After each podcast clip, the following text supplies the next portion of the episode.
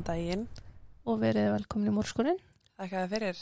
Ég heiti Jóhanna Ég heiti Þórdís. og rétt áður en ég vindi mér í málið þá ætla ég að segja ykkur frá svampafíkn Þórdísar.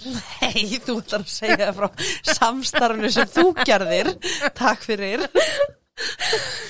Uh, herri, við erum komin í samstarf við yngan annan en Scrub Daddy, Og scrub mami. Mami. mami. Mami. Og okkur fannst þetta ríkalega tilvalið hérna samstarf. Já. sér í ljósi þess að Þórdís Karen er með einhverja sjúkustu svampa fíkn sem ég veit um og mér sjálfrið þykir hrikalega gaman að þrýfa Já. en hérna við erum búin að prófa þessar vörur og ég er alveg steinhissa því ég, ég held að þetta væri svona gimmicky Hvað í anskotanum með það? þú veist, bara svona trend eða Að það gimmi ekki. já, æ, ég veit ekki hvernig ég á að útskýra allana ég held að væri ekki mjög mikið var í þetta og þetta kom mér svo hrikalega á óvart Já. Durtuglirinn mitt hefur bara aldrei nokkuð tíman verið eins og eint. Ég bara er svo heimilífandi að við erum ekki með styrtuglir. Takk fyrir. Þetta er svínvirka líka á vaska. Ég er með þannig vaska sérst allt á hann endalaust og þetta er mjög þægilegt. Ég er endalaust að þrýfa upp mataleifar og ógjað uh, með tvö börn og það besta við svampanum fyrir mér persónulega er að það er engin lykt. Ég get verið með hann á standi í vaskinum án þess að það lykti allt eins og súr mjólka eitthvað sko. Hann er líka umhverfisvætt og það er eitthvað sem ég er reyna að tilengja með meira að vera umhverfisvætni. Við erum með afsláttakóða Já. inn á scrubdaddyisland.is Ísland.is. og kóðin er morðskurinn og hann gefur 15% afslátt Já. af, öllum vörum. Vörum. Já. Það eru fullt af nýjum vörum á leiðin þeirra. Það er sjúklega þægild að vaslaðin ná. Uh, þetta er bara klikk, klikk, klikk og samt heim. Já. Þannig já, við bara endilega hvetjum ykkur til að nýta afsláttakóðan, prófa þetta og láta ykkur vita hvernig ykkur finnst. Jeps. eins og ég segi, svampafettir Þórtísar, hún hefur sjálfsagt mjög gaman að ræða svampa við ykkur. Þú er búin að áta mig þreysvar og Já, það er ég held áfram sko. komin að þrjár mínútur á Hann þættinu. að langaði einu svona að borða svampa. Nei, ég myndi ekki borða á. En Þú sagðist áferðin á vilja bíti þá. Já, á ekki borða. Ég myndi ekki kingja. Nei. En þú veist, það er eitthvað við áferðina, skilur Mm, Ég veit ekki hvað það er. Nei, ekki ég er bara skrítin. já. Herru, nú ætla ég að vinda með bindimáli. Já, ég held að það sé best. Er við fyrir mig eitthvað að ræða hérna mig og mína sjúkdóma. Sjúkdóm.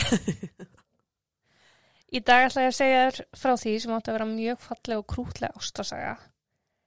En þetta er sagamála podcast sem við höldum upp hérna. Mm. Þannig að það liggur auðvitað að sagan endar alls ekki svo leiðist. Æði. En hún Karol fættist hann 16. februar árið 1944 og það eru mjög takmarkaðar upplýsingar til um hennar líf fram að því sem ég kem til maður fjallum. Ok. Það sem við vitum er að Karol bjó meira hluta lífsins í Suður Karolínu í Bandaríkunum. Þegar hún var í hæskúl, grunnskóla, mentaskóla, Já, mentarskóla. já, 14, 15, 16 ára, þar nær hún aðtikli sætasta stráksins í skólanum. Stráknum sem að stelpina stara á eftir niður gangana og úr verður að þau verða kærspar.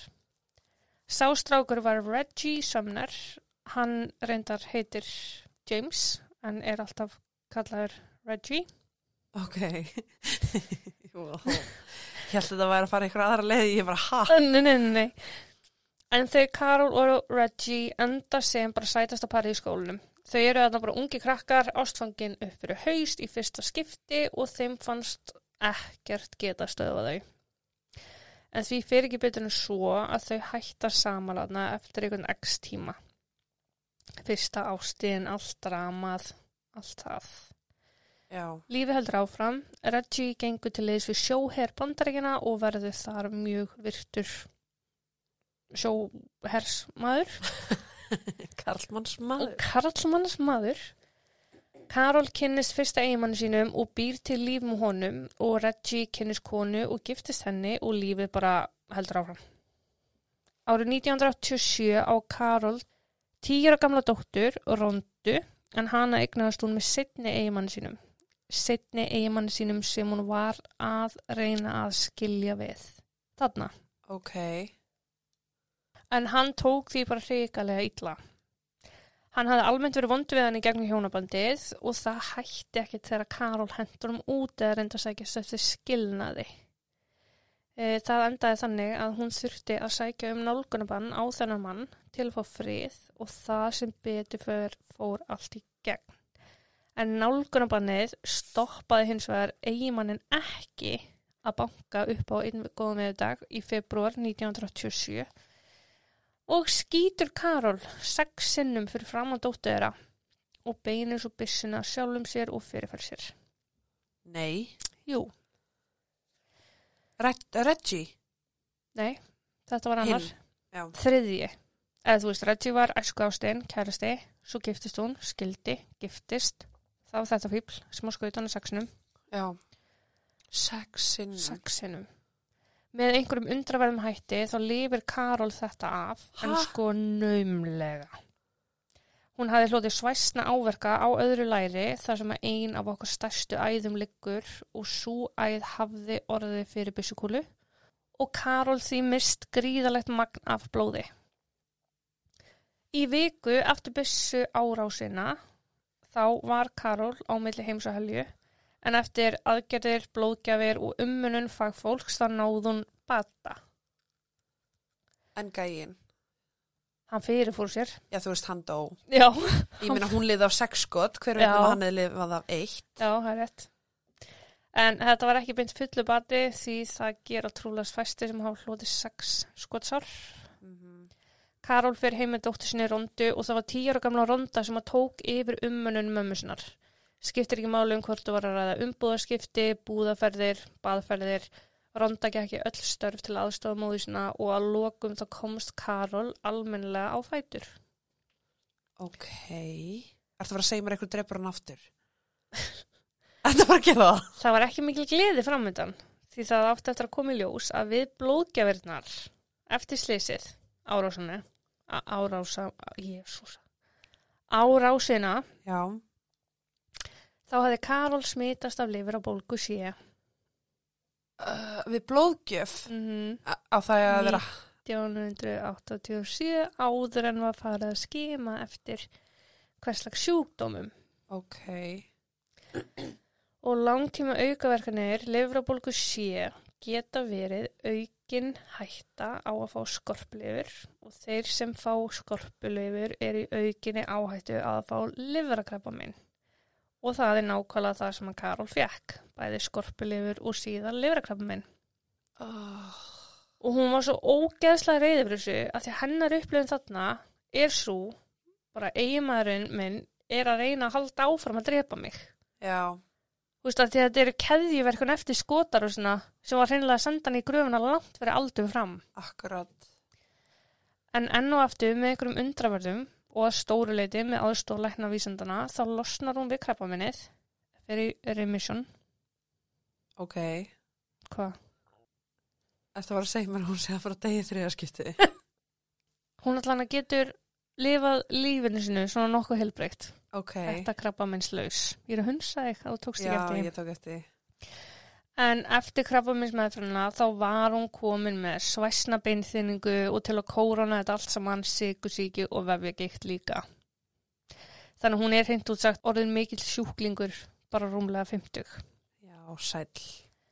Árið 2000 þá snýrust aðstæður heldur betur þegar Karol, eitt góðan veðudag, ringir í sjóarsveitunum sína.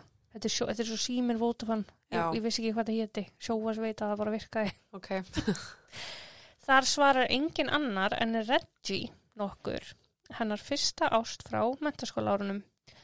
Þau smetla saman eins og flýs við rass og upp frá þeim degi þá voru þau nær óaðskiljanleg. Hvað? Svo flýs við rast. Hefur ekki það áður? Nei. Akkurat. ok. Ok. Það er svona 20 konur að hugsa núna Þórdís. Já, örgla. Pottið. Áfram gakk. Já. Reggie hafði sem ég sagði gift sig og síðan mér skilið hann hafði verið látin laus frá störfum í sjóurnum, ekki reikin, og sleift að hætta Já, og sæmdur heiðurs orðu í kjölfarið. Honum hafði vegnað svona frekavel í lífunu, átti hús í bæðinu í Suður Karolínu og í Flórida, en þar átti þau Karol eftir að eða löngum stundum saman, en þau ákvaðu að gifta sig eftir bara sex mánuða samband. ok. Hvað er Ronda gömul þarna? Fullorinn, hún var 77, hún er hvað, 23? Ok. Þau komu sér vel fyrir í Suður Karolínu, en þegar leið á hjónabandið þá var tekin ákvörðun um að flytja voru alveg til Flórida hilsu þeirra beggja vegna. En Karol var ekki einum það að vera sjúklingur, uh, Reggie þjáðist að sigur sig sjálfur og var vel laskar eftir árinu sjóarnum og berjast í stríðum og hvaðina. Og í heimsóknu sínum í Flórida þá hafði þeim báðum liðið umtalsvært betur og því var þessi ákvörðun tekin. Bara við skulum eigða okkar um, eftirleina árum í Já. hitanum, spila golf og eitthvað. Þau selja til húsið sitt í Suður Karolínu ásand öllu innbúi og selja svo bíli sinn líka með þau áform að kaupa sér bara allt nýtt í Jacksonville í Flórida þanga sem þau ætlaði að flytja. En gaman að hún hitti æsku ástinu sinna Já. aftur. Bíllinn fór í hendur ungrar konu sem bjó í götunni hjá þeim. Sú var dóttir nágrana Karols og Reggies en Karol hefði verið að sinna pappanum. Sérst pappa þessa dóttur. Já. En hann var með krabba megin eins og hún var nú sjálf aftur að kljást við. Jésús. Mm Fær hún fimm mínútur? Bara, nei. Hún, hún þekkti ferlið og hafði reynst þessum fjölskylduföður mjög vel. Nú voru þau laus á húsið og þau mók grættu á því. Reggie hafði átt húsið í einhvern axlangan tíma skilur og þú veist, það bara hækkaði verði. Já. Bíllinn komin í hendur þessarar indælu dóttur nágrannæra og lífið blasti við þeim í Flórida. Ronda dóttir Karol var auðvitað bara orðin fullan kona á þessum árum og var því eftir í Suður Karolínu frekar spældi við flutning fóreldra sinna en hún huggaði sig við það að hún geti hringt í mömmu sinna okkur um einasta degi. Sem hún átti svo sannlega eftir að gera. Ronda vissi að mamma sín var hamikisum hún hefði bara aldrei verið eins hamiksum en það talaði Karol sjálf um að henni liði eins og hún getur loksins síði lit aftur að vera búin að taka saman við stóru ástunni sína aftur. Æi. Ég er svo mikil sökkar að því ég tengi svo mikið. Já. Það er enda rétt. Þú varst reyndar ekki skotin í millitíðinni. Nei, en þú veist bara að Já, ég veit. þegar ég er með æsku ástunni sína aftur það er eitthvað sjúklega næs við það. Nei, takk. Það er er ekki yfir alla. Uh, nú ætla ég að pása Karol og Reggie allsnögt en þau voru bara að lifa lífinu í Flórida. Þeim leið betur á líkamasál og voru aftur eins og þau væru 16 ára. Ástfangin upp fyrir haus, ég sagði næstu upp fyrir haus ástfangin. Já. Ég ætla að segja aðeins frá henni Tiffany Ann Cole. En árið 2005 þá er Tiffany 23 ára gömul. Og til að skilja framaldi þá verði ég að leggja eldsnökan grunn. Tiffany var dóttir mjög ungra fóröldur sinna. Ok. Pappana satt í fangilsi þegar hún fættist og uh, hann losnar. Mamman og pappi taka saman, giftast, þau skilja, allt í voli. Mamman tók svo saman við mann sem var mjög vondur við Tiffany. Drap kvolpin hennar fyrir framan hana vondur við Tiffany. Ég bara. Já. Og gældar svona fólk. Já. Mikið andlegt og líkamlegt ofbeldi sem átti sér stað innan veggja heimilisins og enginn tók upp hanskan fyrir Tiffany gegnum lífið þannig hún var ung farin bara að reyða á sjálfa sig. Ok. Og fram á 14 ára aldri þá gekk það bara mjög vel. Fram á 14 ára þá var hún í öllum tómstundum sem hún gæti mögulega komist í. Hún stóð sér mjög vel í skóla, hún var með háa greindavistölu, gáðunar eftir því. Já. En 14 ára er líka aldurinn sem hún uppgötaði stráka, áfengi og fíknefni. Ok.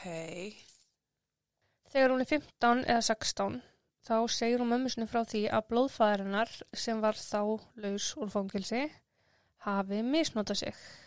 Oh. Og mammanar trúðinni alls ekki og Tiffany sökk í kjölfarið lengra í nýslu og óreglu. Fullviss um að það hafa bara þú veist að elska hana enginn. Já. fóreldrar hennar bæði tvö búin að brjóta þarna stórlega á henni á mismunandi hátt. Uh Þannig að þessi nýju ár frá því hún er 14 ára og þar til hún er 23 ára þá er hún bara svolítið á djamminu. Hún er að fara sem vilja borga og stranda og djammar og djammar fóruð í vændi til að fjármagna fíknina og lífstilinn. Kærasta ferilskra Tiffany samanstóð af A-klassa fáitum. Hver öðrum vittlusari og allir áttu þeir það sameigilegt að bera nákvæmlega enga virðingu fyrir Tiffany. Já. Þannig að hún var stanslaust í leit af viðkenningu ást og umhyggju. Æi. Í april árið 2005 þá er Tiffany stödd á Myrtle, Myrtle Myrtle Beach, Beach. mhm. já. í Suður Karolínu að djamma. Hún hafði þá vikuna hætt með kærasta og var í gríðalegri ástasorg og ég leitaði ykkur til að deyfa. Hún var gistandi á hóteli á þessum tíma og sagan segir að ungur maður hafi brotist inn á hótelherbyggjanar og rænt öllu sem hún átti og var með. Sá strákur var hinn 23 ára gamle Michael Jackson Nei, hætt.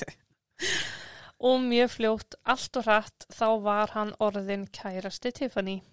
Ok. Hún hafði ekkert sett fyrir sin eitt að maðurinn hafi rænt sjöðlu. Hann bara varð kæró. Ok.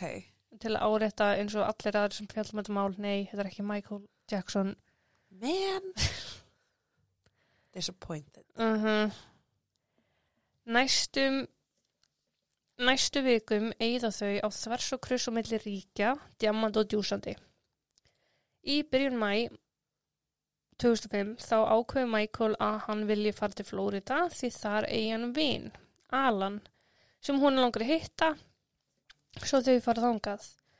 Eftir einhverja daga inn á heimili Alans þá fær móður hans ógeð, en það er þetta bara dópstar, þú veist bara, þú veist, mikið rugglaðum og ruggla ekki að leggja mikið til heimilisins. Þau bæði.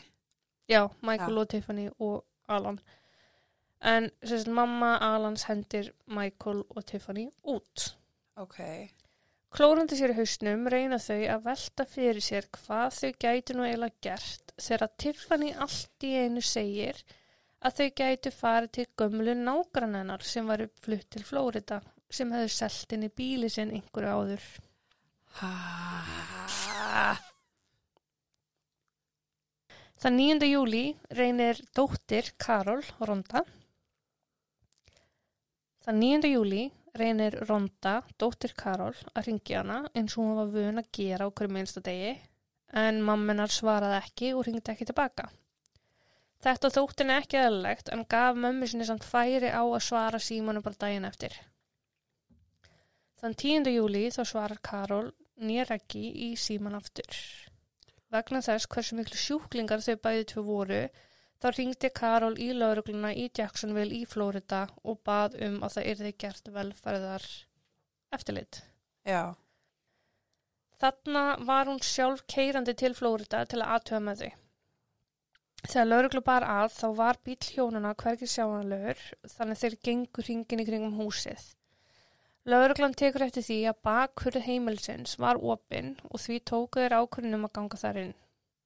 Á mótið þeim tók sár svangur hundur sem var þó í fínu lægi, mikil óreða og tilbúin kvöldmatur í pottum og pönnum sem hefði ekki verið snert á.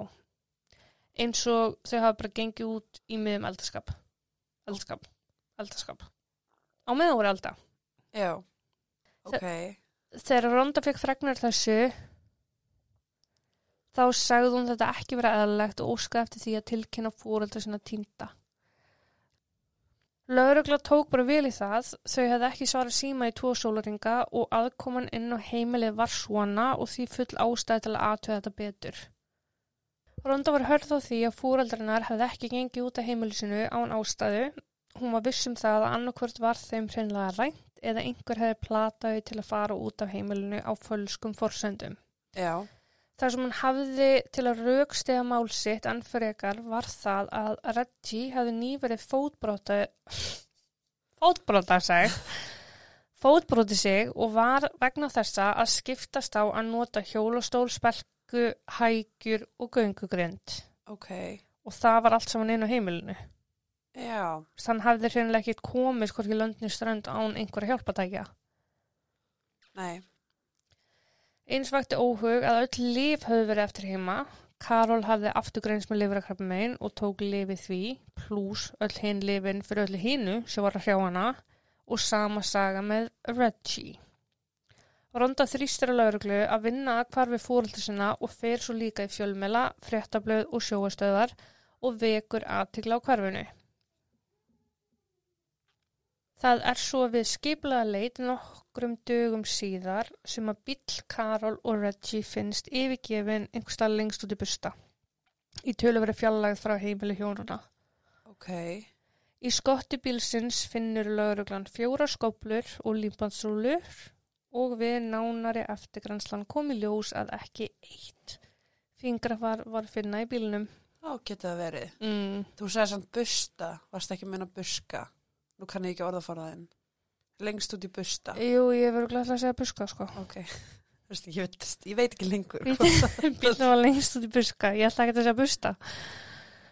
En þetta var svona loka útslæð, lauruglan var bara, já ok, hér er eitthvað gruggugt í gangi og við verðum að leggja meiri þunga í þetta.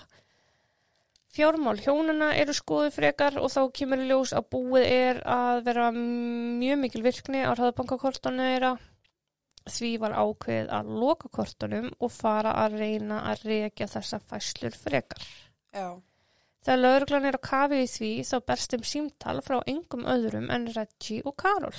ha, Reggie segir við lauruglu að hann og Karol séu himnalægi og byður lauruglu vinsanlegast um að virkja kortið er aftur. Lauruglan sem betur fyrir, ekki mjög vittlaus, spyr Reggie hvort að Karol sé ekki örgla með honum sem hann svara játnandi og réttir síman yfir til Karol. Eftir spjall þá segjast Reggie og Karol vera í korpus sem er bara einhverju bær. já, Lauruglan spyr þá, nú já, eru þið í korpus í Delaware? Og Reddi hikar og er svo bara, já, korpus í Delaware. Við erum hérna í jarðafjörðu sýstuminni. Lauruglan bara, ok, flott, ekkert mál, gott að það sé í lagi með ykkur, við grænjum kortin fyrir ykkur. Og svo bara, hvað er stau? já, En um leiðu þeir skella á þá vissu þeir strax að þeir þyrfti að rekja kortafæsluslóðina rætt af því að það var engin bæri í Delaware sem heitir korpus. já, Þetta sögðu þeir bara til að reyna að sjá hvort að viðkomandi í, sæm, í símanum væri að bylla og var lauruglan þarna orðin handviss um að þetta hafi ekkert verið Reggie og Karol. Og þetta gæti ronda sér með staðfest að því það hafði náðst að taka upp hluta símtalsins. Já, Símanúmerið er rakið og það kemur ljósa símanúmerið tengt við eitthvað byll heimilsvang og við aðila sem er ekki til. ok, Þannig að það er ákveð að það sé bara það besta í stöðunni að opna kortin aftur og halda áfram að reyka slóðina og ná viðkomandi á meðan eru verið að taka út af kortunum. já, Á meðan einn hópur er eldast við hraðbankafæslunar þá er annar að eldast við hinar fæslunar sem höfðu verið áður. fyrir, já. Og ein fæslan leiður lauruglu á bílalegu í Suður Karolínu.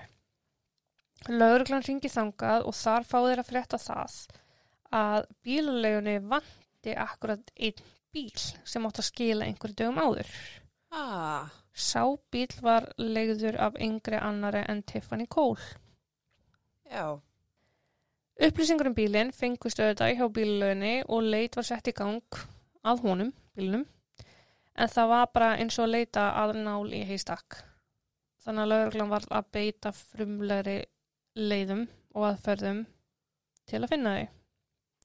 Þetta eru bandaríkin, rosalega margir bílar í bandaríkunum. já, Þeir fóru að kynna sér þess að Tiffany Cole betur og það áttu auðvitað eftir að koma í ljós að hún var nágranni Karol og Reggie í Suður Karolínu. Við enn frekari eftirgrænslan þá kom slauruglan að því að Tiffany átti bróður með þessa fínu sakaskrá og skilurði í þokkabút. Þannig að þeir fengu laurugluna í Suður Karolínu til að kíkja í heimsókn á þennan bróður Tiffany og kreista upp úr honum allt sem hann vissi. já, Hún var bara hreinlega að hóta þegar ef hann skildi ekki segja um allt sem hann vissi þá væri hann að hilma yfir glæp og það væri auðvitað brota skilorði sem það er. já, Hann bladraði öll í því sem hann vissi Og sko, svona einhvern veginn í kjölfarið þá kemst lauruglan að því að Tiffany væri ásamt kærast sínum Michael og vini hans Alan á mótili í Suður Karolínu. Ok. Hraðbankakvittanir áttu líka eftir að beina um að saman mótili og það besta við hraðbankuna var auðvitað myndavélarnar sem síndu Michael taka út pening með bílugubílinn í bakgrunn. Oh, stupid people. Já. Þannig að þeir voru með fulla ástæði til að fara inn á mótilherbyggið með látum. Já. Þeir voru virkilega vongóður um að inn á herbygginu myndir finna Karol og Reggie heila húi. Vonin snýri sem sagt að því að þau væru bara í gíslingu Já. en ekki að eitthvað verða hafi komið fyrir. Þegar lauruglan fyrir á herbyggið þann 14. júli með látum, þá setja þar þremenningarnir Tiffany, Michael og Alan. Inn á herbygginu finna svo mjög hratt og öruglega bankakort Reggie og Carol, ávísunir heftin þeirra, heil ferðartaska af alls konar fjárhagsgögnum í eigu hjónana. Það fannst hérna svona mynd uh, sapn, rándýrt svona peningasapn sem að Reggie hefði átt. Já, kling. Já, klink. Ég var alveg mynda. Akkur þetta ég var svoleiðis. Tiffany, Michael og Alan eru því öll þrjú handíginn fyrir fjárdrátt og skjalafals og þjófnað að Já. best skil bara fyrir að nota kort sem er ekkert í þeirra eigu og vera með þessa eigur á sér sem það er ekkert í. Já. Það sem lögregla gerir strax er að stýja þeim öllum í sundur. Michael er gallharður, ætlar ekki að láta neina lögregla á sig fá og neytar að ræða nokkuð skapaðan hlut. Alan og Tiffany hins vegar, þau brotna eins og skott. Og það sem meira er, þau segja frá fjóraða aðilanum. Bruce Nixon. Hlustaði nú. Þannig er Tiffany, Allan, Michael og Bruce. Já, en þetta er sko Tiffany Michael kæristun hennar, Alan vinur Michaels og Bruce frændi Alans. Ok. Bruce hafði ekki verið með þeim á hótelinu og hafði reyndar ekki verið með þeim í einhverja daga en lögreglan fyrir strax að kafa ofan í hver hann er og hvað hann er og fljótt þá kemur í ljós að hann býr í Flórida. Skuggalega nálægt þeim stað sem að bíl Karol og Reggie fannst. Alveg óþálega nálægt. Ok. Flórida lauruglan fyrir því og sækir hann Flórida lauruglan, Jacksonville í Flórida lauruglan og sækir hann og það er eiginlega hann sem að brotnar alveg Já. og þegar yfirlýsingum Tiffany, Alan og Bruce er svona púsla saman og eru komnar reynd þá er sagan eiginlega einhvern veginn svona en það var þá þannig að Tiffany fer hérna í mæ með Michael heim til Carol og Reggie eftir að mamma Alans hendi þeim út. Já. Karol tók vel á móti þeim og fengið þau að gista í einhverja daga. Karol gaf þeim að borða, hugsaði vel um þau og þessa daga sem þau eittu saman þá kom eitt og annað ljós sem að vakti aðtigli sérstaklega Michael. Já. En þegar Tiffany hafi verið að spyrja um daginn og veginn þá hefði Reggie haft orð á því að lífið væri svo sannlega miklu betra í Flórida sér í lagi vegna þess að þau hafi náð að selja húsi sitt í Suður Karolínu fyrir næstum 100.000 dali sem í dag var 145.000 dalir eða 18 miljónir Ok. sem hann átti þá bara Í, í beinhörðum. Michael er strax fann að gera sér í hugulun hvað hann myndi gera við svona mikinn pening ef hann ætti hann til.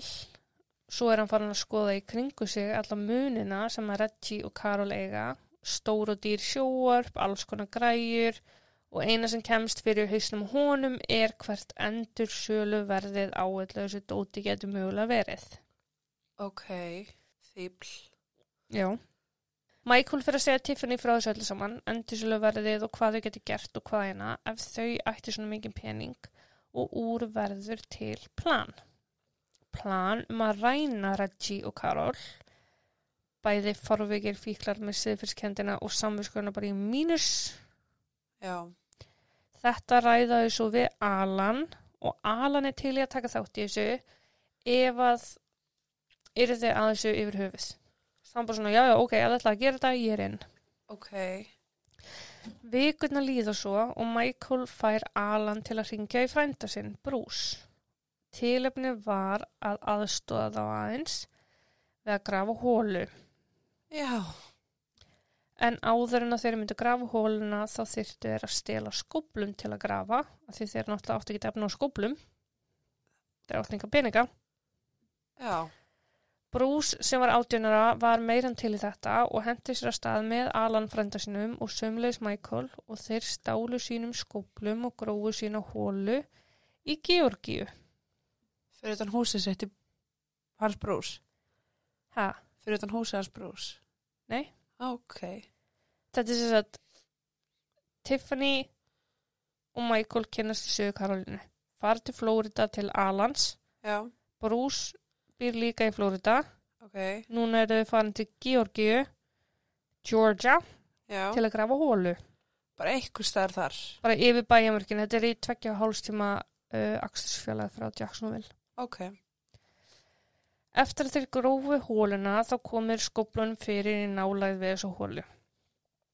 Bruce átti ekki að eiga neitt þátt í því sem að koma skildi en Michael fannst hann standa þessu svo vel að grafa hóluna svo honum var bóðið að taka þátt í því sem átti að vera rán. Ok. Þann 7. júli, tveimundum áður en Ronda heyri síðast í fóröldsinum, þá fóru núna fjórmenningarnir saman í vasslunlegangur þar sem að keftir voru hanskar, limbönd, plastrúlur og leikfangabissa. Já. Michael hefði passað að Tiffany myndi halda reglulegu sambandi við Karol og Reggie til að komast nærð þeim. Skilur mig. Já. Þann 10. júli klukkan 10 um kvöldið þegar Karol og Reggie voru trúlega nýbúin að elda kvöldmatt þá var bankað á útidrihurina. Fyrir utan hurðina stóðu Alan og Bruce, tveir ungi strákar sem að hjónin höfðu aldrei sé áður en það höfðu þau bara verið í samskipt við Tiffany og Michael fram að þessu. Já. Alan og Bruce sögðust verið í bílavandræðum, spurðu hvort þau mætti fá að ringja í dráttabíl. Karol sem vildi allt fyrir alla, alltaf gera, hjælt það nú og bauðum inn. En það var þá sem að Alan og Bruce hófust handa við að teipa hjónin í sikkur lagi. Þeir límdu yfir augu og munn, þeir límdu saman hendur og þeir límdu saman fætur. Við erum að tala um sko tvo einstaklinga sem eru virkilega veikburða. Gamalt fólk. Þau eru bæði sko, þú veist, ég held þessu 35 og 45 kíló að hafa verið. Karol var með þannig beinþynning og hún var sko í stöðugri hættu á að brjóta eitthvað. Það þurfti ekki svona mikið vald Oh. til að yfirbjöða þau. Nei. Þess, Þetta var raun bara mannvonska. Já, þess þá heldur það sem koma skildi. Alon og Bruce komu Karol og Reggie í skottið á bíl þeirra. Þetta er í júli í Flórida og það er talað um að hítin hafi verið allt frá 38 gráðum upp í 45 gráður. Ok. Og getur þú ímyndar hítan í skottinu? Já. Ói, bara. Já. Bruce og Alan hafði kæftað frá því við yfiruslu að planið var upphálega að ef að lauruglan færi að sína bíl hjónana aðtigli þá ættu Tiffany og Michael sem voru á öðrum bíl að keira eins og bjánar til að ná aðtiglinni yfir á sig Ok. og frá bíl hjónana en það voru þau teipuð onni skottinu á bílnum. Er þetta að fylgja? Já. Og svo Nei, ég er bara ég er að býða. Fjórmenningarnir Fjórmenningarnir kerðu svo á sikkurum bílnum með hjónin í skottinu yfir fylgismörk Georgíu. Þar kerðu þau kerðu alla leið að því svæði sem að strákanir höfðu grafið hólinn nokkrum dögum áður. Michael, Bruce og Alan rauku svo að skottinu og opnuðu það og ofan í sátu þau Karol og Reggie, limböndin búin að svitna af þeim og þau heldust í hendur, grétu og er að byggja saman til Guðs. Þau skipuðu þeim að láta sér fá alla bankaupplýsingar, pinnúmer og annað, ávísunarhefti og alla græjur og skipuðu þeim svo setjast ofan í hóluna. Karol og Reggie hlýttu þessu og gretu, báðu til Guðs, heldust í hendur og lágu utan í hvort öðru þegar strákanir hóist handa við að móka yfir þau moldinni sem þeir hafði grafið upp nokkur dögum áður. Er það að segja mér að þau hafa verið grafin lifandi? Þegar þeir hafði fyllt gröfina, losaði brúsi við bíl hjónana og Tiffany, Michael og Alan fóru á spreð. Þau versluðu og versluðu og versluðu, fött, dóp, áfengi og allt sem þeim datt í hug. Og þau voru á þessu spreði fram að handtöku þeirra þann 15. júli. Þannig að þau voru bara eða, eða, eða, djama, djama, djama, gaman, gaman, gaman. Ógeð, ógeð, ógeð. Mm Ég ætla að setja mynd á Instagram og svo mynd verður komin inn þegar þessi þáttu byrtist og ég ætla vinsamlegast að byggja ykkur um að fara yfir á Instagram núna í þessum töluðu og skoða myndina af þessu ógeðsla ósmekklega liði. Segjum bara myndin verði númið fjögur Ok. í rauninni. Þann 18. júli leiti brús laurugluna að svæðinu þar sem þeir höfðu grafið hóluna. Karol og brús hálf setu ofan í hólunni, kúrandi í hvort annað og haldandi í hendur hvort annars bæði látin. Smá innskot, lauruglan hafi komist að þér rétt áður að brús hafi sko farið í partí einhverju dögum áður uh, áður en hann var handtíginn. Hann mætti í þetta partí með alls konar töflur og pillur, bara lif já. og gortaði sig að því að hann hefði sko drepið tvo aðila. Ah, En þá trúði hann enginn að því að hann var átjunar og út úr, kókaður já. Já. Samkvæmt krupningaskíslu var andlat hjónana hægt og kvalarfullt. Karol og Reggie lágu grafin undir mold sem að hægt og rólega þrengdi að þeim. Öll þessi þyngd á búkin verður til þess að þau get ekki dreigja andan almennilega og köpnun vegna þrýstingsins á sér stað. Þannig á meðan moldin náði þeim ekki upp á munni og að nefi þá voru þau samt á hægt og rólega að kapna. Já. En þau voru bæði með mold og drullu í lungum og öndunafærum sem að segja okkur það að þau reyndu eftir bestu getu að anda þó að þau væru gjössalega undir mold. Bara þar til að þau reynlega kæfðust, mistu meðvutund og létust. Krupningalæknir taldi að þau hefðu lifað í að minnstakosti 35 mínútur. Ok. Dánarásök er í rauninni köpnun og köpnun vegna þristings. Þessu tvær mismunandi kapnanir. Súrefnishindrun þegar moldin er mókað yfir andlitaðum og svo að moldin hafi hreinlega verið að kremja úr þeim loftið. Og þá verður koltvísýringssöfnun í blóðinu sem er sama sem köpnun. Já. Þegar þetta er að gerast þá veit Michael ekki baun í bala.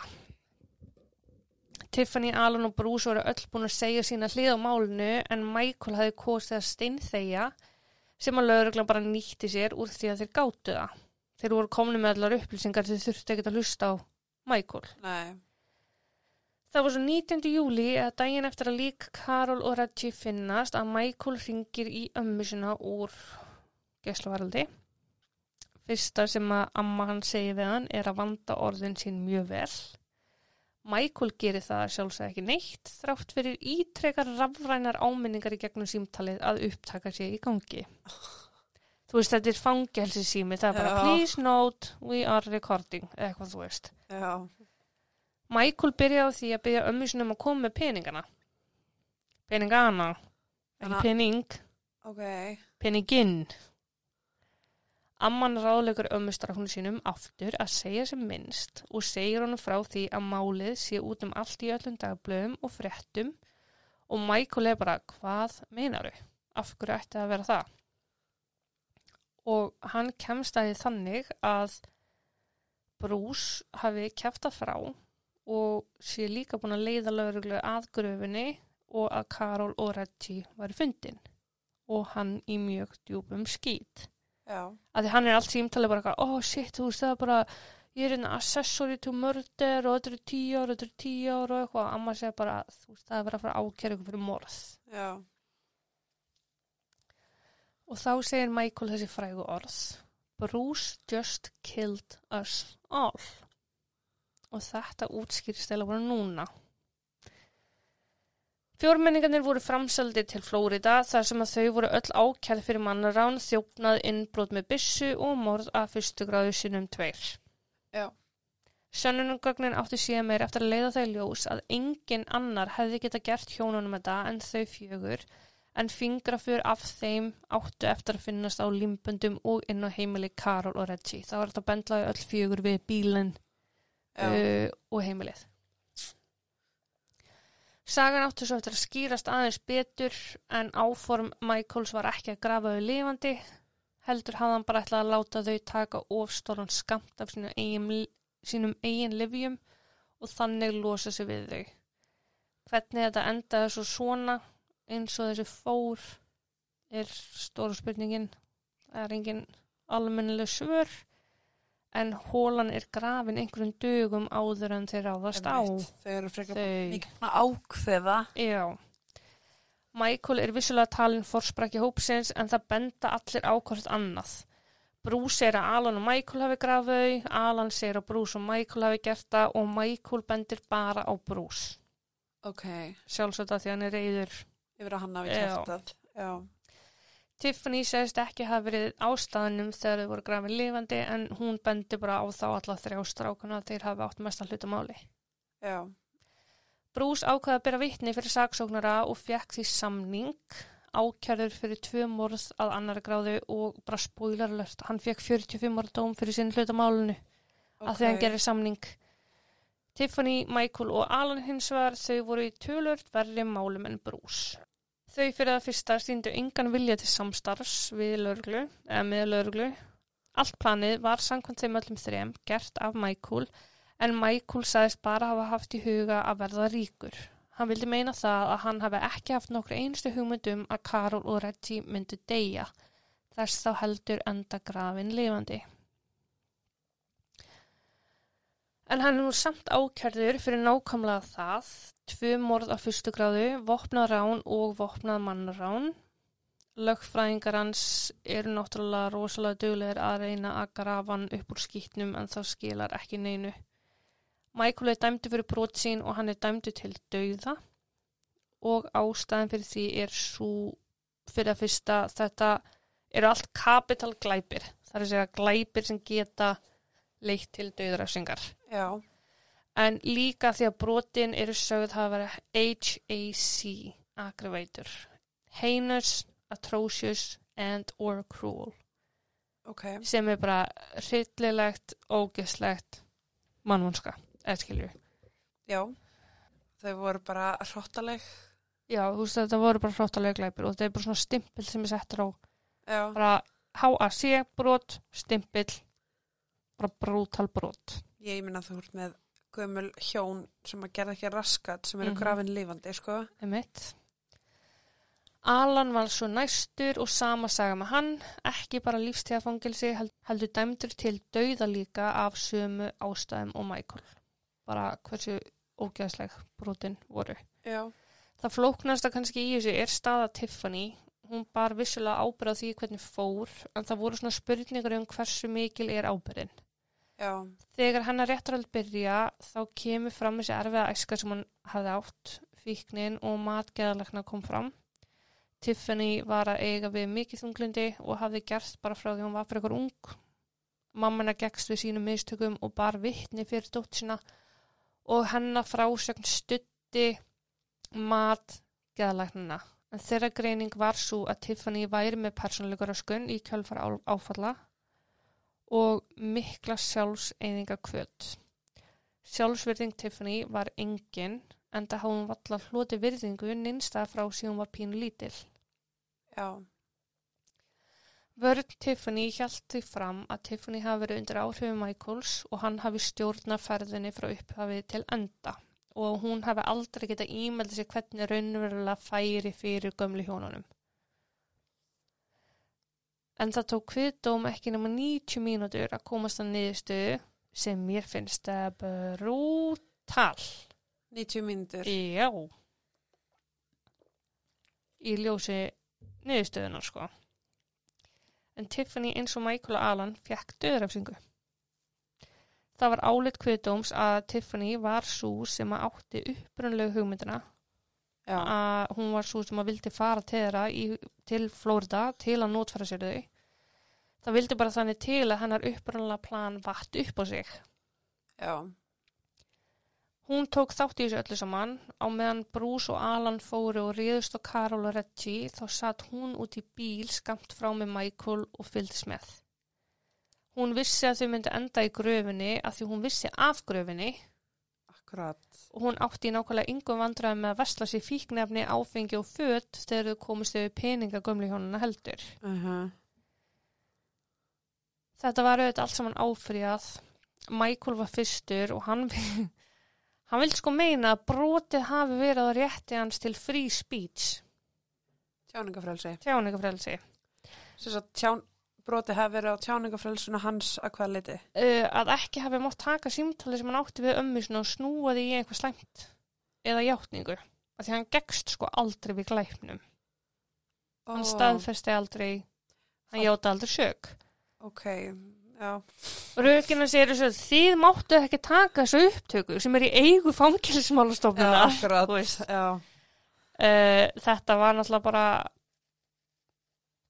staðfest aftur. Úr stöðurafsingin stóð bara sem fast. Fastast. Mér skilst að Alan hafi ekki reynd áfrýja en hann á einhverju undarlegustu fangelsisögu sem ég hef heyrt og þetta á bara heim á TikTok sko. Hann á konu í dag og bann. Hann kynntist franskri konu í gegnum brefaskrif. Þau urðu alveg óvart ástfangin, reynda hætta að skrifa hvort öðru en eftir sex vikur þá sendi Alan henni Sigrid sinni bref og tjáði henni ást sína. Hún flutti frá Fraklandi til Bandaríkina til að vera nær Prison Bay. Ég skil ekki hvernig fangar eignast börn. Nei, Þá þau bara herbyggi til að Nei. hann geti donkja í 30 sekundur. það er nefnilega akkurat málið. Hann sendir sæðið. Mm, sko, einhvern veginn endar hann ófrísk. Hún á í dag eins ás Er lítinn er- strák, Er hann poppin? nákvæmlega. Hún hefur neitað að svara í hvernig hún var ófrísk, hvort að Alan hafi laumað á hana sæði eða hvort að hún hafi orðið ófrísk eftir einhvern annan eða bara alveg óvitað. En hún sagði sko aðspurð hvernig þetta hefði getað gerst. Af því það er ekki svona conjugal visits, þú ert á Nei. death row. Já. þá var hún bara all I can say is that Alan is in prison and I'm not Ok. Hvernig fegstu sæðið? Segðu okkur. Já, það er það sem ég er að segja Hann Alan hann er- is in prison and I'm not hún er pótt bara að sofa í okkur mjög gaur Já. Þú veist það er ekkert búið að staðfesta að þessi litli strákur sé sonur Alan sko en hún segir, ég meina Alan hlýtur að vita það. já, Hann veit þá alveg að hann er ekki pappin ef að uh, hann hefur ekki sendt sæðið sitt. já held ég að vera gripin við skoðun með sæði bara inn á þeirra eitthvað Uh -huh. og Óni, hvað ætlar að setja hann? Hann, Það. smokkin, Heldur þeir sem er smokka innan vekja fangilsins? þeir eru með fullt af drasli. Það er öllu smíklað inn í þessu fangilsi, sko. Já, það Þú- ætti nú ekki verið erfitt að smikla út sæði. Ég er að segja það. Já, ok. Þeir geta fengið hvað sem er þarna, sko. Ég bara einhvern veginn hefði haldið að sæði þurft að vera við, þú veist, præm aðstæður Og og hefði haldið það líka veist, að kaupa sæði eitthvað frá útlöndum kostar bara óksla mikið. ógisla mikið. En svo getur þau bara rungaður í smokk, Smokk og gjör svo sent- vel að skan. Emitt. Já. Ég er með svo marga spurningar líka fórunin á bað, var hún með törkibeister, var hún með hefur ekki, það er, jú, jú, jú, jú, jú, en þú veist, hún er, heldur hún hafi ekki bara fengið þetta í brefi eða eitthvað? og hvað skeint sér? Ég veit ekki, ég veit ekki hvað hún Hvernig heldur þú að börnum verið til? Allavega hann ekki með törkibastir. Jú, það er til fullt af konur sem hafa notað törkibeister til þess að staðsita sæði. ok.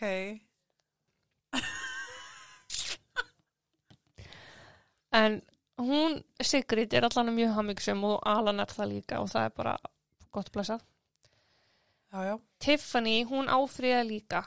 hún vildi að það veri tekið til til þess að það voru ekki hennar glæpir sem voru heinus, atrocious eða krúel. Hún var samsæki í þessu öllu. Já, en að því að það þótti þannig full sanna að hún var ekki svo sem að mókaði yfir lifandi einstaklinga. Ok, það er kannski að þau átti ekki efni á fleiri en einni skóplu, sko. Já, þú veist, líka bara Tiffany hefur bara ekki tekið þátt í því, skilur, að hún hefur ekki kært sömu það eða eitthvað. En Já. það skiptir ekki máli, hún vissi af þessu, hún var með í planinu fyrir upphafið, skilur. Já. Dómari tók marka á þessu, bara ok, ekkert mál, ég skal taka þann stimpil af dómnum, en jafnframt minnir hann Tiffany á það þó þetta fjalli kannski ekki undir hennar mál, veist, þetta var ekki tilfelli hjá henni, Já. þá væri hún samt jafn seg af öllum ákjörluðum og dómurinn skildi standa. Já. Af því að glæpirnir sem slíkir eru capital crimes. Já. Akkurat. Þó þeir séu ekki með hann stimpil. Og þetta eru sex svoleiðis glæpir. Af því að þú ert með tvöfalda mannrán, tvöfalda hérna, rán með vopni og tvöfald morð. Já. Sex glæpir og allt capital crimes. Þú veist. Dauðarefs, allan að já, þetta er dauðarefsing og hún er í dag inn á death row deild á samt tveimur öðrum konum í Flórida. Mér skilst að hún sé þriðja yngsta konan til þess að fara inn á death row í bandaríkjunum. Og þegar að Tiffany er dæm 2008 uh, til dauða, þá er hún sko eina konan inn á dauðadeildinni í eitthvað tíma. Já, ok. Bæði fyrir og eftir. Þú veist, þetta er það sjálfgeft úti ég, þú veist, ég dætti nú ekkert reddit tráða sem að fólk var að tala bara já, það myndi aldrei neitt dæma konur í svona uh, döðrafsingu en rauk hinna var konur gera ég vilt ekki svona glæpi. Já. en árið 2017 þá breyttust lögin í Flórida áður hafði það verið þannig að kviðdómir þyrfti ekki að vera samróma um döðrafsinguna heldur bara meiri hluti ræður Já, þeir þurfa að vera samráma núna. já Já. Þetta þótti fara gegn sjöttu grein bandarísku stjórnaskránar sem vísar í að einstaklingur eða hver áum að einstaklingur eigi rétt á réttlátri málsmeðferð. Alltaf. Sangjadri málsmeðferð. Réttlátri. Já. En ákveði var að fara yfir 150 döðrafsingamál aftur, endur rétta í þeim að því núna þarf kviðdómur að vera einróma til að hægt sé að gefa döðrafsingu og kviðdómur var ekki einróma í málum Tiffany Michaels eða Alans. Ekki á neinum þeirra? Nei. Ok. Sko, Alan er átjónara. Það spilar röglega risa stóran þátt í Já. að einhverju hafi uh, Sagt, nei. já, verið mótfaldnið því í máli Tiffany hún veist, eins og ég segi, það þótti full sanna að það voru strákun, það benti ekki á Tiffany það benti allra strákuna, þeir benti okkur annan skilur, Já. þannig að það er kannski þar sem að fólk hefur ekki viljað dæma hann til dauða Já. Michael, ég er nú svolítið hissa, ég, ég veginn bara gerði ráð fyrir að það hefði allir verið innróma Já. þar en þetta tekur auðvitað allt þvílingan tíma og það er ekki anþá búið að taka máleðara fyrir en uh, ég gerir fastlega ráð fyrir því að dómunum verði breytt í lífstæðarfangilsistóma þau hafa öll þrjú sínt mikla eftir sjá og beðið fjölskyldu Karol og Reggie innilega afsökunar Já. En Ronda dóttir Karol hefur sagt ofinbarlega að hún fyrirgefi brús. Þessi sem kjaftaði. Já. Að því að hann hafi sínt styrki því að fara gegn vinnu sínum og komið reynd og beint fram. Já. Það gerðu hinn þrjú alls ekki. Nei. En eftir að bálfur, bálfur Karol og Reggie hafði farið fram, þá var ákveðið að samina öskur þeirra og eru þau saman í duftkeri inn á heimilu Rondu. Saman eilifu. Æ, hvað ég vona þau sé að hafa gott að nuppi, sko. Já. Þessum spurningum um Tiffany verður trúlega aldrei almennilega svara held ég. Uh, fólki með mjög mismöndi skoðanir á henni og hennar hlutverki í þessu öllu saman. Ég klálaði þeirri skoðun að þetta hefði ekki komið fyrir þau, þar að segja Karol eða Reggie, nema fyrir það að Tiffany fór þangað með Michael. Já. hvort sökin eigi þó að liggja þungt á henni fyrir það, ég veit ekki. En einhvern veginn held ég að þessi krakkar hefðu alltaf brotið af sér í fjárhagslegum tilgangi. Hvort sem það hefði verið annar morðið, já, morðið að mannráni, innbrotið að ráni eða hvað það heitir, þau hefðu alltaf endað í fangilsi. Það er bara mín skoðun. En hvað með ömmu hans, Michael? Hvaða peninga var hún að geima? Hún var ekki geimin henni peninga. Hann vildi, áður en hann vissi að það var búið að handtaka brús og alla, Já. þá vildi hann að amma sín færi og næði peninga hjá brús. Já, ok. Ok, Mm ég fatt það. En hún alltaf bara, ég er með hérna smá myndband af þessu, ég er að reyna að finna allt transkriptið, þú veist, af samtalenu. Já. Aðeins að vera henni hjálp. ok. En er búið, sko. Þetta er, sko, ég held að það sé ein af mínum stærstur hæðslum. Að vera grafin lifandi. Bara kapna á þannan hátt. Já. Þú veist, að eitthvað þrýsti á mann. Og Já. jú, grafin lifandi, hann alltaf hljóma bara hrikalega. Ég get ekki farið, sko, í svona myndatöku á þess að frík út. Ég fór svo mjög innilögna vend. Ó, já, nei, ég er bara alveg eins og ég er ógislega hrætt við að drukna. Mm -hmm. Það er bara þessi köpnuna tilfinning sem ég held að mjög margir eru bara tengi við það. Já, þetta er hrikalegt en það verða myndir á Instagram af þeim hjónunum og af þeim Og Facebook fyrir þá sem Já. er ekki með Instagram. og Facebook. Jepsi. Já. Var það eitthvað fleira? Ekki hjá mér. Það var verið að taka okkur enn einu sinni fyrir á umræðahöfnum okkar á Facebook, þannig að endilega komum við þangað. Það var ekki verið að taka okkur fyrir. Nei, það var verið að taka mig fyrir. Mm. Já, ég hef gaman að. Já, er það? Mm mjög. Ég er mjög spenntur að kemur eitthvað um þig. Vonandi kemur hann að flýsi raskataður. Hvað meinar þú flýs við rass? Hefur ekki heyrt þetta? Ég hef aldrei fengið flýsi raskati, sko. Nei, það er ekki þægilegt. Nei, ég fæ oft, mjög oft í puttana. Já. Akkur ekki flís flýsi putta? putta. Af því það hljómar ekki skemmtilega fórdís. Ok, ok, ok, ok. Já, herru, ég ætla að þakka fyrir mig í dag. Jepsi. Uh, Takk og bless. takk og bless. Og það er til laust.